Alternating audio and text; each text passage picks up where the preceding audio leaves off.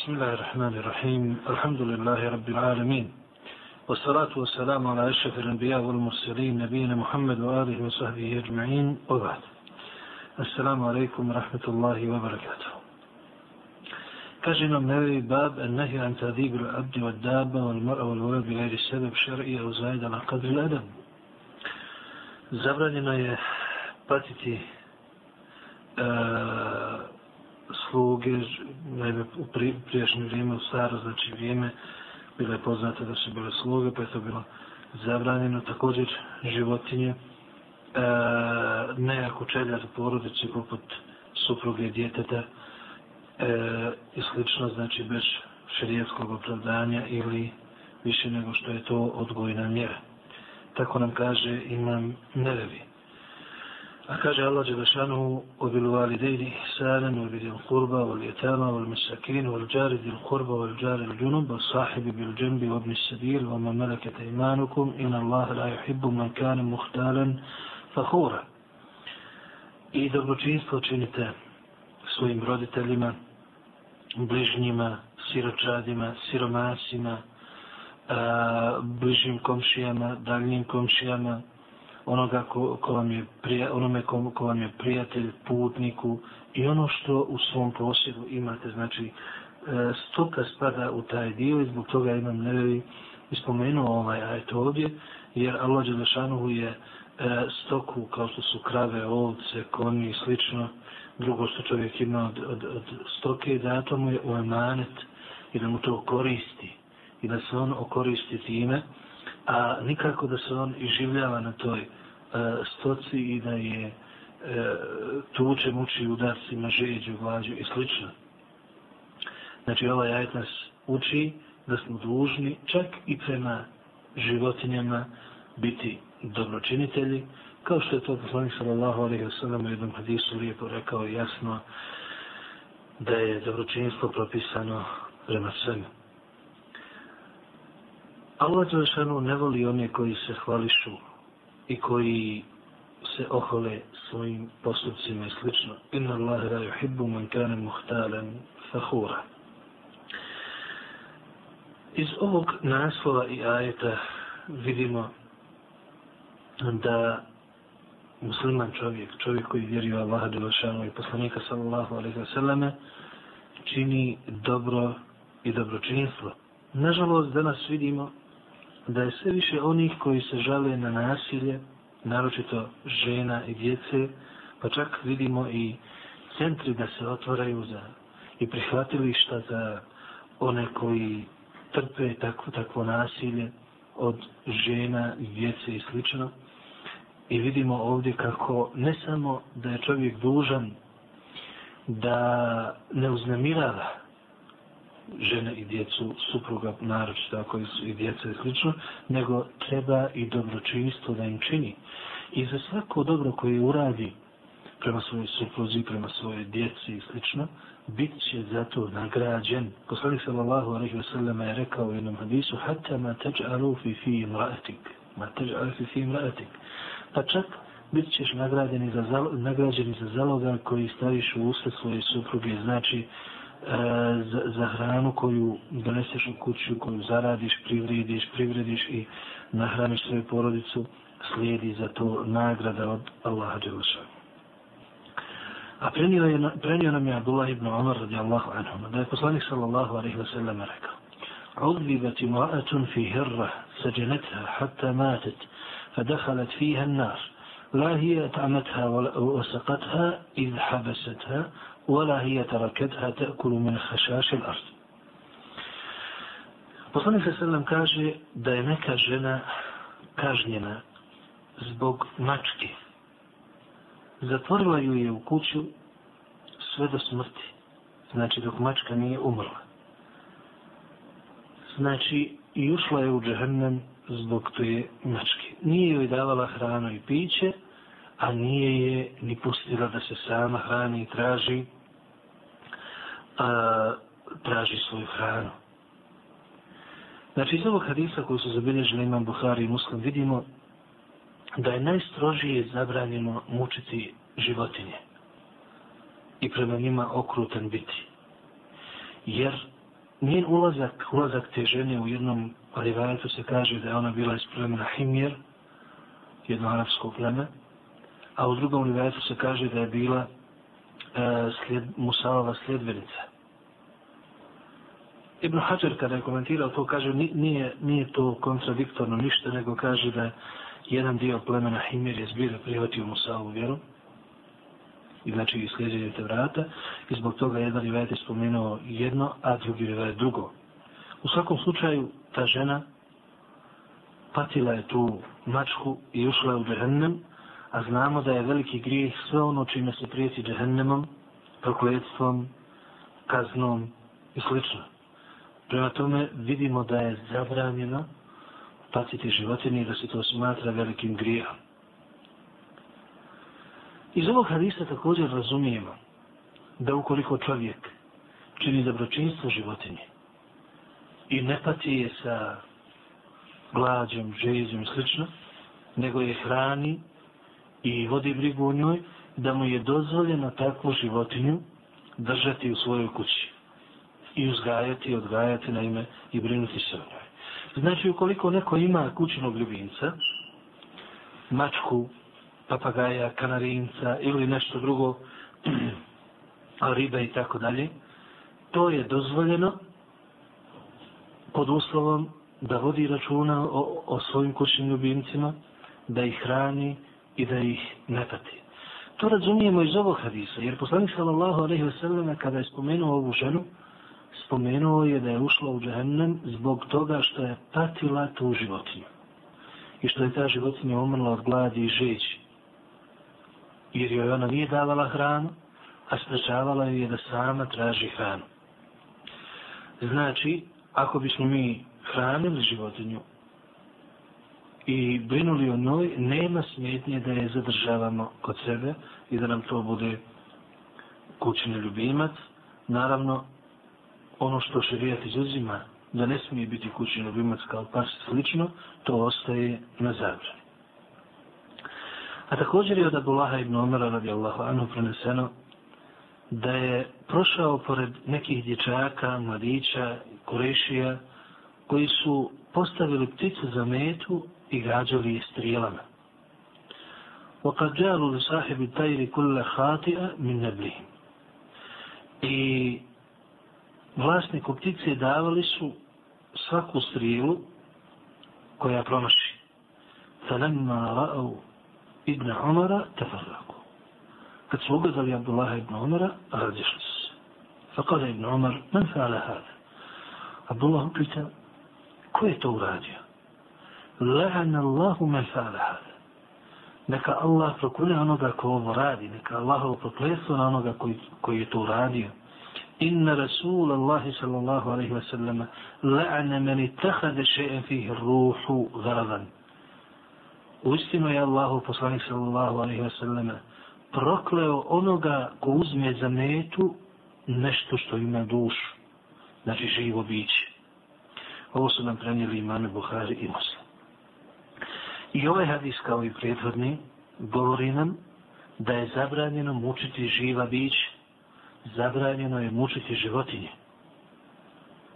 I oni koji muče životinje, pa i time što, što će ih gađati i učiniti ciljem i slično, da, su, da zaslužuju Allahovo prokletstvo, što ukazuje da je to veliki grije. A Anas radi Allahu anhu, kaže nam da je poslanik sallallahu alaihi wa sallam zabranio vezivanje stoke do smrti. I to su nam zabilježili imami Buhare i Muslim. Znači, ukoliko nema potrebe da se stoka vezuje i slično, to je zabranjeno. Međutim, ukoliko je stoka velika, pa se ne može drugačije smiriti i slično, onda ju je dozvoljeno svezati, ali nije dozvoljeno na taj način E, usmrtiti. Nego dozvoljeno je, recimo, ako se radi o velikim bikovima za klaonice i slično, ili velikim kravama i tako dalje, da se podvežu i, i, i slično dok se zakolju. Znači, dozvoljeno je samo u tom slučaju s ciljem da, da im se može prići kako bi bile zaklane, jer je zabranjeno stoku udarati e, bilo čim kako bi ošamutili i slično ili ubijati je E, raznim sredstvima kao što su pištoli za uspavljivanje i tako dalje. To se isto smatra mučenjem hajvana, ali u ovom slučaju e, može se koristiti to vezivanje. Ali svezati životinju dok ona ne, ne ugine, vidi se iz ovog hadisa da je strogo zabranjeno. A Ebu Ali Suvaid ibn Muqarrin radijallahu anhu kaže nam لقد رأيتني سابع سبعة من بني مقرن ما لنا خادم إلا واحدة ولتمها أشغرنا فأمرنا رسول الله صلى الله عليه وسلم أن نعتقها Ja sam bio sedmi od sedmorice e, braće od Mukarenovih potomaka sinova i imali smo samo jednu sluškinju i najmlađi od nas ili jedan od najmanjih e, udario ju je po licu, znači šamarom, pa je poslanik sa seleme naredio da je oslobode i da bude slobodna. Znači iz ovoga isto tako vidimo ono što imam ne spomenuo, da u to staro vrijeme bile su te sluge i sluškinje i tako dalje, pa i u tom e, segmentu poslanik sa sallallahu alaihi wa sallam propisao je e, krajnje dobročinstvo i svaki vid nasilja i slično e, sankcionisao je na ovaj način, tako da ko je uznemirio slugu ili sluškinu, automatski bi bili oslobođeni i ne bi više imali pravo na njihove usluge. Ebu Mas'ud al-Badri radijallahu anhu kaže nam, kuntu adribu gulaman bis saut, فسمعت صوتا من خلفي اعلم أبا مسعود فلم أفهم الصوت من الغضب فلما دنا مني إذا هو رسول الله صلى الله عليه وسلم فإذا هو يقول اعلم أبا مسعود أن الله أقدر عليك منك على هذا الغلام فقلت لا أضرب مملوكا بعده أبدا. وفي رواية فسقط الصوت من يدي من هيبته. وفي رواية فقلت يا رسول الله هو حر لوجه الله تعالى. فقال أما لو لم تفعل للفحتك النار أو لمستك النار. Kaže nam Ebu Mesud da je on jednom prilikom nešto se naljutio, pa je on svoj bijes iskalio na njemu, udario ga i tako dalje, pa je čuo glas ljutit, zna Ebu Mesude, ali je bio toliko ljud da nije, da nije razumio, ali kada se približio, prepoznao je poslanika sallallahu alaihi wasallam i čuo ga kako mu govori, zna Ebu Mesude, Allah je moćni, Allah je moćni i može e, može tebe kazniti više nego što ti tog slugu kažnjavaš. Pa sam rekao, nikad to više neću uraditi. U drugom revetu kaže, ispao mi je ispao mi je bič iz ruke. U trećem revetu kaže, on je slobodan Allahov poslaniče i tako dalje. Pa mi je poslanik rekao da nisi to uradio E, dokao bi džehennema ili dodirivala bi te džehennemska vatra. Ovi hadisi koje zabilježi ima muslim E, sa svim ovim rivajetima isto tako ukazuju na strogu zabranu koja je e, bila u vrijeme kada su bile te sluge i slično vidimo koliko se to vodilo, vodilo računa i u tom smislu suprotno onome što je bilo rašireno u to vrijeme da su sluge bile tlačene na svakakav način omalovažavane i slično. Abdullah ibn Umar radijallahu anhuma kaže nam da je vjerovjesnik sallallahu alaihi wa sallam rekao man darabe ulama lahu hadda lam yatihi aw latama fe enne kifaratu an ju'tika. Poslanik sallam je rekao ko udari svoga slugu ili ga ili izdeši nad njim kaznu koju nije uradio ili ga udari po licu iskup za to je njegova sloboda ili oslobađanje. To nam je prenio imam muslim. A Hišam ibn Hakim ibn Hizam radijallahu anhuma kaže nam da je bio u Šamu jednom prilikom da je vidio neke ljude kako su bili kažnjavani pa je rekao da će Allah Đelešanuhu kažnjavati ljude koji kažnjavaju druge ljude na ovome svijetu. Inna Allaha ju'azibu ladina ju'azibuna nase fi dunja. Znači, premijeno je da je poslanik sallallahu alaihi wa sallam rekao Allah će kazniti i mučiti one koji muče ljude na dunjaluku. Znači, iz ovoga vidimo da je to strogo zabranjeno. Abdullah ibn Abbas radijallahu anhuma kaže nam da je vidio poslanik sallallahu alaihi wasallama magarca kako je obilježen na licu. Fa ankara dhalik. Pa je to negirao. Fa kale wallahi la asimuhu illa aksa še inna vađe wa amara bi himariha. فكوي في جائرتيه فهو أول من كوى الجائرتين I poslanik sallallahu alaihi wa sallam rekao, tako mi je Allaha, ja ću ga obilježiti što dalje od lica i naredio da njegov nagrad bude obilježen na bokovima iznad zadnjih nogu i on je prvi koji je obilježio magarca na tom mjestu. Ovo nam je prenio imam muslim. U drugom hadisu također od Allah ibn Abbas se prenosi da je poslanik sallallahu alaihi wa sallam prošao pored magarca koji je obilježen na licu fa kala la'ana Allahu alladhi wasala neka Allah prokune on, onoga koga je obilježio na licu. I to nam je prenio ime Muslim. Naime, obilježavanje e, stoke bio je poznati arapski običaj koji je poslanik sallallahu alaihi wa sallam potvrdio i, i on je to praktikovao kao što vidimo iz ovog iz ovih hadisa, čak je praktikovao i obilježavanje stoke koja se vodi kao poklon ili hedi da bude žrtvovana kod Kabe i to je ono što je potvrđeno od poslanika za sebe. Međutim, zabranio je da to bude na licu, nego da bude što dalje od lica kako ne bi e, utjecalo to i ne bi mnogo boljelo tu životinju. A inače to obilježavanje imalo je, kako kažu učenjaci, dva cilja. Prvo, ukoliko bi izgubilo, hajvan se izgubio u pustinji i slično, znali bi čiji je po tom obilježju, jer svako pleme ili svaki vlasnik ima svoj, svoje nekakvo obilježje po kome je bio poznat i tako nađena stoka vraćana je njenom vlasniku. A drugi, E, druga, drugi cilj, druga svrha tog obilježavanja bilo je e, prilikom presuda i dizanja takozvanih e, tužbi pred kadijama, pa je to obilježje u principu bila indicija da je, ta, da je taj Helan uistinu od onog čovjeka koji je rekao da je to njegova stopa. I tako na taj način su e, presuđivani ti sporovi na osnovu tih obilježavanja. U svakom slučaju u muslimovom rivajetu kaže se neha Rasulullahi sallallahu alaihi wa sallam na zarbi fil veći i vani ruvasmi fil veći.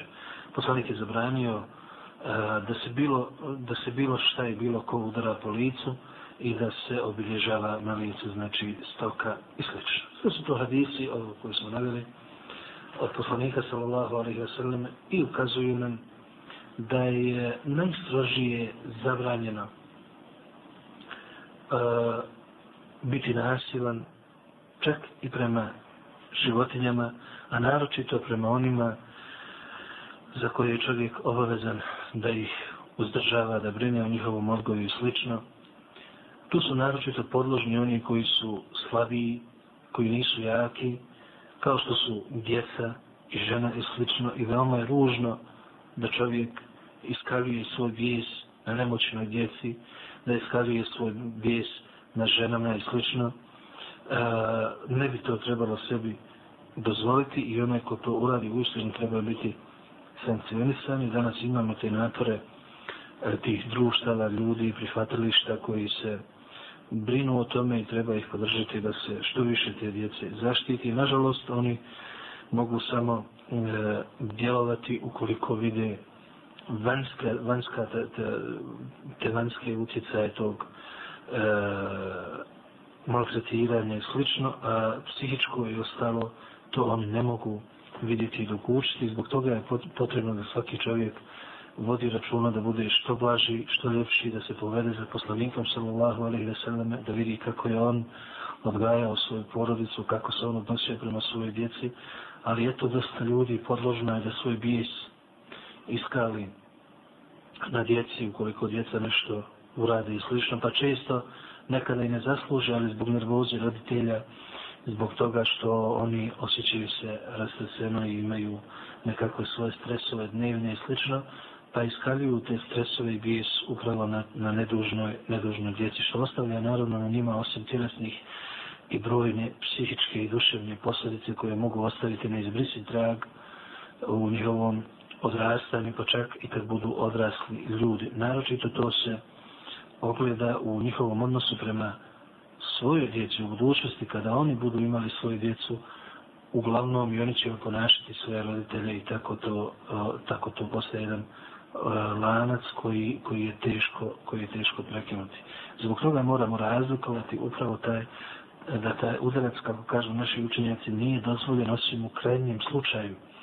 Osim kada zbilja ne može ništa drugo pomoći, ali i tada to mora biti udarac koji, kako kažu, ne smije biti udarac ljutnji i slično, nego takozvani odgojni, e, neki navode primjer, recimo, e, mali misla koji je možda pedan veličine i slično, pa malo da dijete onako vidi samo da mu se priprijeti ukoliko, naravno ukoliko je dijete veće i slično, da ne smije ostati nikakav trag, znači ne smije to biti jako i tako dalje. U svakom slučaju a, treba voditi računa kako se odnosimo prema djeci i ne smijemo nikada dozvoliti da ono što mi osjećamo od tiskobe u grudima, od dnevnih stresova na poslu, u društvu i slično, da se to ovaj, odrazi na djeci, naročito na takav jedan ružan način. Nakon što je govorio imam nevevi o općoj zabrani e, kažnjavanja mučenja životinja, sad nam govori o jednoj posebno, posebnoj vrsti ili posebnom vidu e, mučenja životinja, to je vatro. Pa kaže, ba tahrimu ta vi binar. Zabranjeno je spaljivati životinje. Fi kulli havan hatta nemle vrahve. Znači sve životinje je zabranjeno spaljivati, pa čak i mrave. Znači čak i mrave zabranjeno je spaljivati. Kažu učenjaci zato što e, tu e, bol spaljivanja slično je mnogo, mnogo veća od one što je što je ovaj inače za očekivati prilikom uh, usmrćivanja životinja i slično. A Ebu Hureyre radijallahu anhu kaže nam بعثنا رسول الله صلى الله عليه وسلم في بعث فقال إن وجدتم فلانا وفلانا رجلين من قريش سماهما فأحرقوهما بالنار ثم قال رسول الله صلى الله عليه وسلم حين أردنا الخروج إني كنت أمرتكم أن تحرقوا فلانا وفلانا وإن النار لا يعذب بها إلا الله فإن وجدتموهما فاقتلوهما رواه البخاري كاجا أبو هريرة دائه صلى الله عليه وسلم بصلوا ويدنم بريمكم po nekom zadatku, pa im je rekao, ako nađete tog i tog čovjeka, imenovo je dvojicu Kurešija, e, spalite ih. Potom je poslednje e, tamo kad su htjeli izaći, rekao, ja sam vam naredio tako i tako da, da spalite tu dvojicu, ali vatrom je kažnjava samo Allah Đelešanohu, pa ako ih nađete, samo ih ubite. Tako nam kaže poslanik sallallahu alaihi wa sallam, naime to je bilo u tom sukobu Kurejšija i poslanika sallallahu alaihi wa sallam, znači koji se dogodio dok je poslanik bio u Medini, a Kurejšija još u Mekke i dok su još bili na nevjerstvu i u sukobu s poslanikom sallallahu alaihi wa sallam, ali iz ovog hadisa nas interesuje to što je poslanik sallallahu alaihi wa sallam rekao wa innu nara la yu'azibu biha illa Allah. Vatrom kažnjava samo Allah dželešanu. Znači drugima nije dozvoljeno e, to koristiti. A Abdullah ibn Masud radijallahu anhu kaže nam kunna na Rasulillahi sallallahu alaihi wa sallam fi seferin فانطلق لحاجته. فرأينا حمرة معها فرخان. فأخذنا فرخيها فجاءت الحمرة فجالت تعرش. فجاء النبي صلى الله عليه وسلم فقال من فجع هذه بولدها؟ ردوا ولدها إليها. ورأى قرية نمل قد حرقناها. فقال من حرق هذه؟ قلنا نحن. قال إنه لا ينبغي أن يعذب بالنار إلا رب النار. kaže nam Abdullah ibn Masud, da su bili s poslanikom na jednom putovanju, sallallahu alaihi wa sallam, pa je poslanik sallallahu alaihi wa sallam otišao da obavi e, prirodnu potrebu. E, pa smo vidjeli jednu pticu, humara, to je ptica slična vrapcu, koja je imala svoja mladunčad u gnjezdu. Pa smo uzeli tu mladunčad i kada se ptica vratila, počela je kružiti i letjeti iznad nas. Pa kada je poslanik sallallahu alaihi wa sallam vidio, rekao je, ko je uzeo djecu ili ucvilio ovu pticu uzimajući joj djecu? Tako kaže poslanik sallallahu alaihi wa sallam. Znači čak i životinje imaju osjećanja prema svojim mladun, mladuncima i to je od Allahove milosti prema njegovim stvorenjima, kao što je to poslanik sallallahu alaihi wa sallam rekao da je Allah jednu milost spustio na ovu zemlju i s tom milošću e, stvorenja su samilosne međusobno, pa čak i životinje čuvaju svoju mladunčad upravo s tom milošću. Pa je naredio i rekao, vratite mladunčad te ptice. Pa su vratili. A kada su nastavili dalje, vidio je mravnjec. Znači, to je jedna izbočina na zemlji gdje, gdje su nastanili mravi. Pa su to ashabi spalili, ne znajući da je to zabranjeno. Pa je rekao, ko je spalio ovaj mravinjak? Rekli smo, mi smo spalili, kažu ashabi. Pa je rekao, vatrom ne smije kažnjavati niko osim Allah Đelešan. Znači, osim gospodar vatre. Znači, ovo nam je premijer Budavod, dobro vjerodostavno noslaca, i hadis ukazuje kao i prethodni da nije dozvoljeno vatrom spaljivati životinje, pa makar to bili i mravi, niti bilo koje živo biće. I to je svojstveno samo Allahu Đelešanu. A inače u vezi sa mravima došla je zabrana i poslanik sallallahu alaihi wa sallam zabranio da se mravi ubijaju. Međutim, kažu učenjaci, e, trebamo postaviti neku prepreku, zaštititi e, kuću ili mjesto koje želimo zaštititi od mrava na nekakav način. Pa ako ni to ne pomogne, onda u tom slučaju dozvoljeno nam je koristiti e, E, određene sprejove i slično ili na drugi način ukloniti mrave zato što oni tada su ti koji nas uznemiravaju, a čovjeku je dozvoljeno da ukloni ono što ga uznemirava. Znači, ako ne mogu na drugi način da se o, uklone i da, da, da ne smetaju i uznemiravaju čovjeka, dozvoljeno ih je ukloniti e, nekim sredstvom, ali ne vatrom kao što vidimo iz ovog hadisa. Dalje nas imam imam neveviju poglavlju o zabranama i kaže nam da tahrim matlulani e, bi haq talabahu sahibu. Zabranjeno je odgađati bezrazložno vraćanje prava onima koji ih traže. Znači, ako neko ima neko pravo kod nas, zabranjeno je da mi to odlažemo, da to odgađamo i slično, bez razloga. Rekao je Allah Đelešanu, inna Allaha je murukum en to edu lemanati ila ehlija. Allah vam naređuje da emanete vraćate onima čiji, ko vam ih je povjerio. Naime, ovaj ajet, kao što je poznato učenjaci ga tumače na dva načina, jedni kažu en to edul emanati ila da odgovorne poslove, znači koji su poslovi od emanete i slično, treba da date onima koji znaju da ih rade. To je jedno tumačenje, jedno značenje ovog ajeta. Znači ako poslovi koji, koji imaju, ne smiju se tu gledati e, ovakva ili onakva podobnost, nego mora se gledati isključivo ta podobnost da je čovjek u stanju to da obavi, kao što to Allah kaže, kao i on o amin znači da bude snažan u stanju da obavi taj određeni posao i da bude povjerljiv prilikom obavljanja tog posla ukoliko se u tom poslu zahtjeva povjerljivost. Drugo značenje, ovo koje imam ne bi ovdje želio reći i želio kazati i zbog toga ovaj ajit je spomenuo baš u ovom poglavlju, Inna Allahe je murukum an tuaddu amanati ila ahliha. Allah vam naređuje da emanete, znači ono što vam e, što, što je u vašim e, zimnetima, kako se to kaže, znači ono što ste dužni da date drugima, da to date onima koji to, kojima to pripada. Pa koliko je to emanet, taj što ste vi vlasnik neke firme ili nekog mjesta, pa imate radnike, vama je u emanetu da date tim ljudima plate ako oni obave određeni posao onako kako je dogovoreno. Također ako ste se zadužili kod nekoga i to je emanet koji morate povjeriti, koji vam je povjereni, koji morate dati onome e, čiji je to novac ili nešto već što ste zadužili.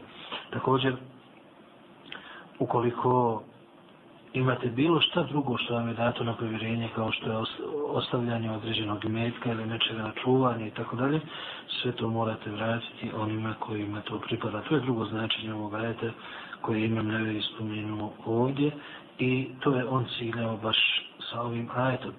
U drugom ajetu Allah šanu kaže fe in emine ba'dukum ba'van fel yuaddi alladhi tumina. A ako jednim drugima nešto povjerite, date na povjerenje i slično, onda onaj ko, ko, kome dato nešto na povjerenje, neka taj emanet ispuni. Neka ga da i neka obavi ono što je dogovorio. A Ebu Hureyre radijallahu anhu kaže nam da je poslanik sallallahu alaihi wa sallam rekao matlul ganiji zulmun wa ida utbija ahadukum ala milin fel jetba odgađanje i odugovlačenje imućnog sa vraćanjem i davanjem imetka i prava je nasilje, zulum. A ako neko vam kaže da odete do drugog da prebacite taj dug na drugog, onda tako i uradite.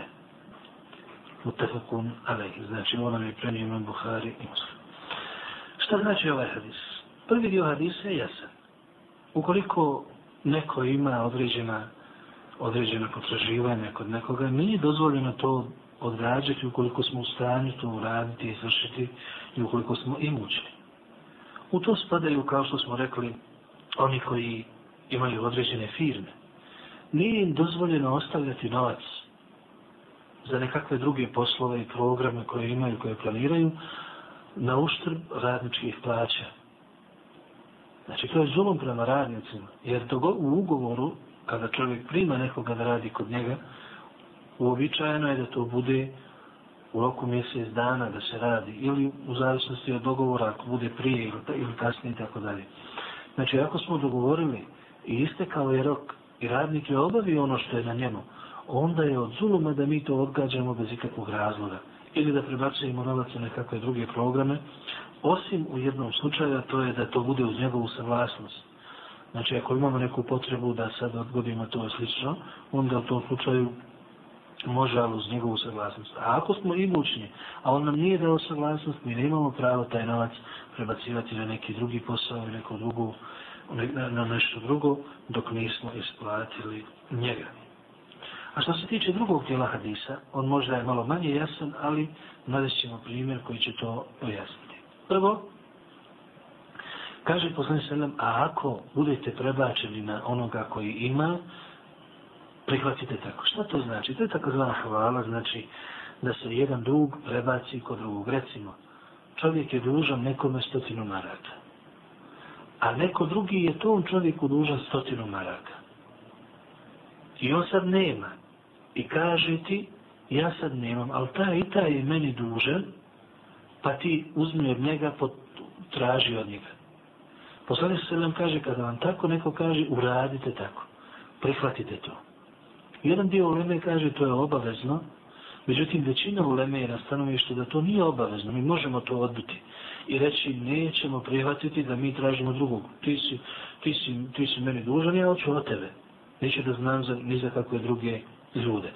Znači, kažu, mustahab je da prihvatimo to, da olakšamo tom čovjeku da idemo, osim ako nema nekakva širijetska zapreka za to, kao što je da znamo, recimo, da je ta osoba druga koja je dužna, odgađa isto tako vraćanje tog novca i ne ispunjava prava koja, koja se zadužila i slično. Znači, imamo to pravo odbiti, ali je lijepo i poželjno da to prihvatimo i na taj način to riješimo. To je značenje ovog hadisa koji govori o ovome. Iz ovog hadisa također učenjaci zaključili sljedeće. Ukoliko dužnik ili onaj koji ima poslove određene firmu nije u stanju dati, onda u tom slučaju nije grešan i taj postupak njegov nije zulum. Nije nasilje. I tada dolazi drugi ajet koji rješava taj problem i kaže fanazira to nila mejsara. Dužnost da je čekati dok mu se stanje ne olakša. Znači u tom slučaju odgađanje takvog čovjeka od strane znači takvog čovjeka nije nasilje, nije zulum i dužni smo ga sačekati do olakšanja situacije. A on je dužan, čim mu se olakša situacija, da ispuni ono što je dužan i da vrati ono što je uzeo i treba uvijek imati na umu hadis u kojem poslanik sallallahu alejhi ve sellem je rekao ko uzme imetak ljudi želeći ga vratiti, Allah će ga pomoći i vratit će to za njega. Ako uzme i metak ljudi ne želeći ga vratiti, svjesno znači uzima, a ima namjeru već unaprijed da to ne vrati, Allah će ga uništiti. I to u hadisu nije rečeno da će uništiti taj metak, nego uništiti će njega. Kako, na koji način, Allah samo zna.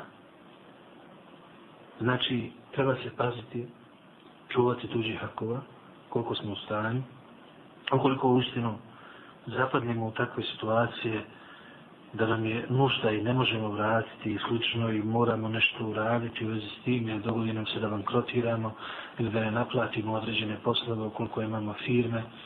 Znači, desi se da se poslovi odrade, sve se završi, ali oni s kojima smo pogodili posao odgađaju plaćanje. U tom slučaju nismo grešni, ali smo dužni što prije to riješiti i kad nam se olakša stanje, moramo to ispoštovati. Jer veoma je teško, veoma je ružno da čovjek radi mjesec dana, e, ponekad, pogotovo ako su privatne firme, privatnici ne gledaju ni na subote i nedjelje, e, ne gledaju ni na radne sate, ni na radno vrijeme, radi se od jutra do sutra, kako se to kaže, i onda na kraju kada dođe vrijeme da čovjek mora da plati svoje potrebe, mora da izdržava svoju porodicu, da daje sebi malo oduška, jer njegova porodica i on imaju potrebe koje treba ispuniti, koje očekuju od tog posla, jednostavno, bez ikakvog objašnjenja, kaže se nema, ili jednostavno niko ništa ne govori i tako dalje. To je veoma ružno i odgovornost tog čovjeka u istinu bit će velika, naročito kažemo ako je imućan i može ispuniti te potrebe, onda u tom slučaju to je u istinu nasilje, a za poslanik sallallahu alaihi wa sallam za nasilje kaže a zulmu zulumatijama al qiyame nasilje, nasilje je tama na kijametskom danu. Znači, bit će u tami i neće vidjeti ništa kad im svjetlo bude najpotrebnije kako bi prešli sirat čuvrija. Nastavlja dalje nam nevi govoriti i kaže kako je pokuđeno a, vratiti poklon koji smo nekome poklonili, a, pa čak ako smo ga poklonili vlastitom djetetu i onda kaže nam da je pokuđeno čak i kupiti poklon koji smo poklonili nekome ili smo ga dali kao zekat ili sadako i slično, pa čak i kao iskup za određene grijehe ako smo dali nekome, to je pokuđeno kupiti, a dozvoljeno je to kupiti tek kada prijeđe u vlasništvo treće osobe, znači ne osobe koju smo mi dali, nego neko je to kupio od ovoga ili na neki način e, došlo to u njegov posjed, pa tek je onda dozvoljeno to kupiti. Tako kaže imam nevi u podužen naslovu e, iznad ovih hadisa koje je spomenuo. Pa da vidimo hadise koji govore o vezi s tim. Kaže nam Abdullah ibn Abbas radijallahu anhuma da je poslanik sallallahu alaihi wa sallam rekao Hrvedi je udu fi hibetihi kel kelbi jarđuju fi kajihi. Onaj ko vrati, vrati svoj poklon nazad je kao pas koji vraća ono što je povratio, tako nam kaže poslanik za sveme u ovom hadisu koji su zabilježili imam e, Buhari i muslima, u drugom rivajetu kaže metanu ledi jeržiju fi sadakati ke metanu kilbi je qiju thumme jarudu fi qaihi fe ekole fe ekolo primjer onoga koji vrati sadaku koju je dao znači dao nekome nešto kao sadaku potom to traži nazad i kao primjer psa koji povrati zatim priđe tome što je povratio i to ponovo pojede. Znači iz ovoga vidimo kako je to uistinu oružan i gnusan primjer onoga koji da nešto, pogotovo da se tako ili popom, pa to traži nazad. Znači, poslanik sallallahu alaihi wa sallam je spomenuo namjerno ovako ružan prizor sa, sa svom i slično, da bi ukazao koliko je uistinu ružan taj postupak da nekom nešto poklonimo ili damo kao sadaku, a onda to tražimo nazad to poistovjećivanje sa, sa uh, psom i uh, takav jedan postupak ukazuje da je taj postupak zabranjen kao što kažu učenici. A Omer ibn Khattab Allah anu kaže nam حملت على فرس في سبيل الله فضاءه الذي كان عنده فأردت أن أشتريه وظننت أنه يبيعه برخص فسألت النبي صلى الله عليه وسلم فقال لا تشتري ولا تأتي صدقتك وإن أعطاكه بدرهم فإن العائد في صدقته كالعائد في قيئه متفقون عليه Kaže Omer ibn Khattab da je jednog konja poklonio nekom čovjeku da se, da, da, da se bori na njemu na Allahovom putu. I taj čovjek nije vodio računa o njemu i konj je zanemoćeo, smršavio i postao nejačak. Omer je to bilo žao i htio ga je kupiti od njega ponovo nazad. Znači dao je sadaku i htio je da kupi. I mislio sam, kaže Omer, da će on to meni jeftino prodati. Pa sam pitao o tome poslanika sallallahu alaihi sallam pa je rekao nemoj ga kupovati i nemoj vraćati se na sadaku koju si dao, makar ti to dao za jedan dirhem. Jer onaj ko vraća se, vraća sadaku koju je dao i onaj koji jede ono što je povratio, kaže nam poslanik sallallahu alaihi sallam, hadisu koji je zabilježio imam al-Buhari i muslim. Znači, ova dva hadisa govori nam da je to zabranjeno i rekli smo da biva dozvoljeno tek kada to pređe u vlasništvo neke treće osobe, znači kada to a, nije više kod osobe koje smo to dali kao sadaku ili kao poklon, onda možemo to ponovo kupiti od te osobe. A inače, prije toga nije dozvoljeno ni kupiti tako nešto. Dalje nastavlja imam nevili govoriti nam o zabranama i kaže da je veoma zabranjeno e, trošiti i metak siročice. Ko je siroče? Siroče je maloljetno dijete, bilo muško ili žensko, koje je ostalo bez oca. I takvo dijete, o, njemu se treba smilovati, sažaliti, e, brinuti se o njemu, a nikako gledati ga kao nejaku osobu i nejač čiju slabost treba iskoristiti oni koji na taj način posmatraju siročad u istinu ružno postupaju. I Allah Đelešanu je to i potvrdio u ajetu kojem je rekao Inna ladina yakuluna mala ljetana zulmen innama yakuluna fi butunihim nara wa se jaslavna se ira. Oni koji jedu i metke siročadi nasilno, oni u svoje stomake trpaju vatru, a i u džahennemu će gorjeti, kaže Allah Đelešan.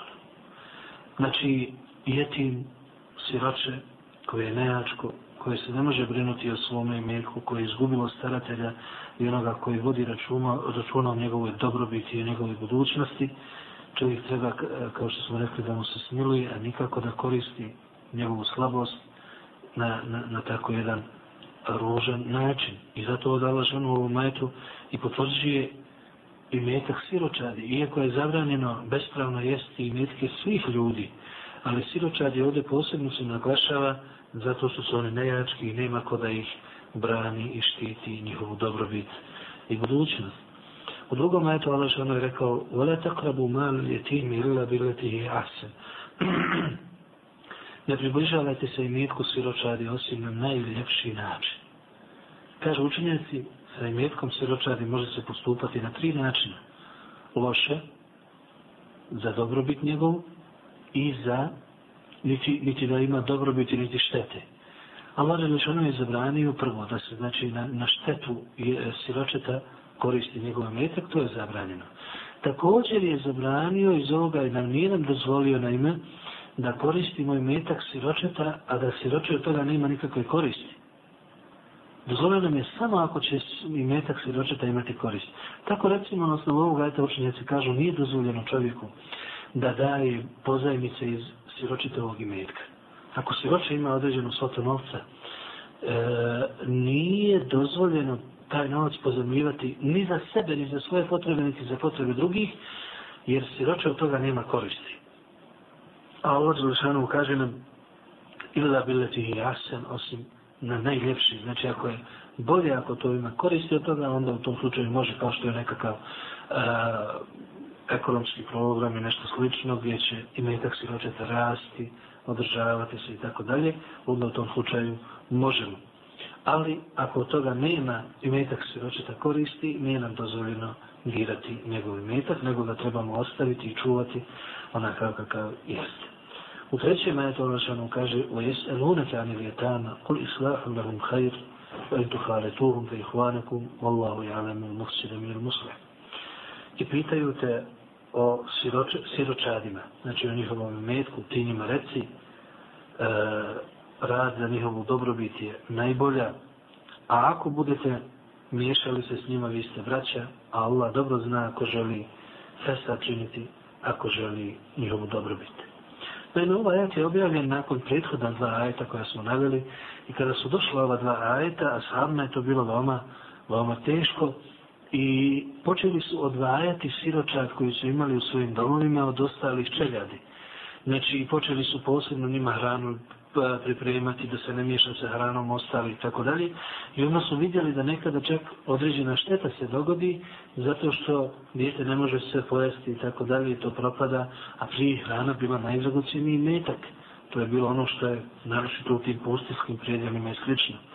I onda pitali su poslanika šta da rade, vidjeli su tu jednu nelagodu i poteškoću i dolazi odgovor za to da nema smetnje da oni ako imaju siročaj tu E, taj metak, tu hranu pomiješaju, da, da, da se o tome ne treba toliko, znači, razdvajati i ponovo im nagovještava i napominje i da Allah dobro zna onoga ko želi to iskoristiti na šte, za štetu siročeta u svoj dobrobit, ako želi dobrobit siročetu tom nejakom djetetu koji je izgubilo staratelja.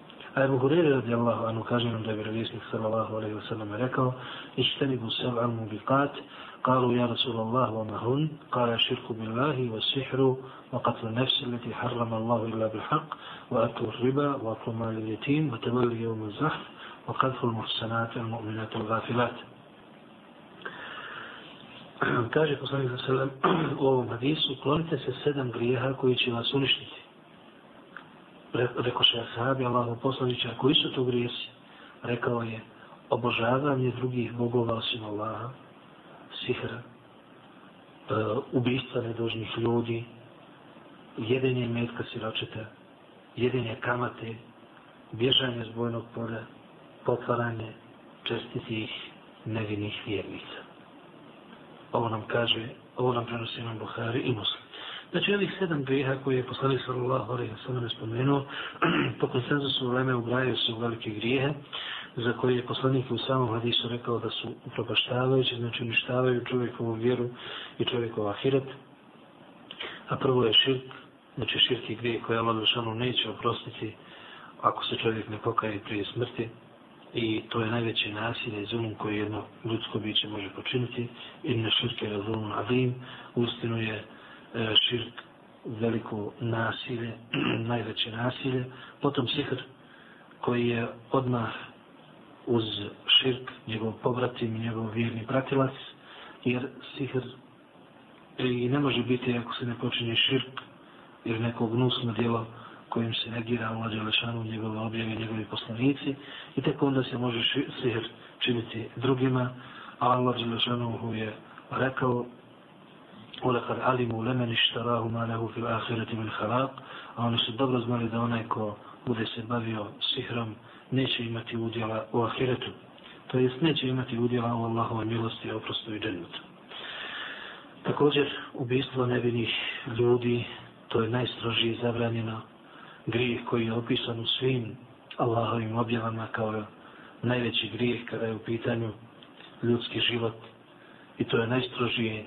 zabranjeno e, bez ikakve sumnje naročito na ovaj način koji imamo danas u nekim zemljama na nekim mjestima gdje ljudi koriste te metode koji nemaju veze sa islamom i islamskim naukom jer ubiti nedužnog čovjeka znači kao da smo ubili cijeli svijet kao što Allah Zašanom kaže a sačuvati život jednom čovjeku znači kao da smo sačuvali život svim ljudima. Potom kamata koji je najveći zločin kad su u pitanju mjeci, kada su u pitanju mjeci ljudi, kamata o kojoj ćemo govoriti u narednom poglavlju u cijelosti, ako Bog da, gdje imam nevi spomenuo ajte i hadise koji govore o zabrani tog dijela. Potom i mlitak siročadi. Znači vidjeli smo iz ajeta da jedenje i trošenje metka siročadi je najstrožije zabranjeno, naročito pružnoća tog dijela biva izražena kada uzmemo u obzir da su to nejaka bića, nejaka dječica, čiji roditelji su preselili na ahiret i nemaju zaštitnika koji će voditi računa o njima i iskorištavanje te slabosti uistinu je ružno od strane odraslih ljudi. Potom bježanje zbojnog polja, o perful musanat i potvaranje vjerni, vjernica koje su nevine i koji nemaju veze sa tim čime su potvarane da su počinili budu slično. Kažu učenjaci, spomenete su vjernice zato što je to češći slučaj i one se ne mogu braniti i slično. Međutim, ako čovjek potvori muškarca da je počinio blud ili da je nemoralan na bilo koji način, i to spada u tu zabranu i to se smatra velikim grijehom.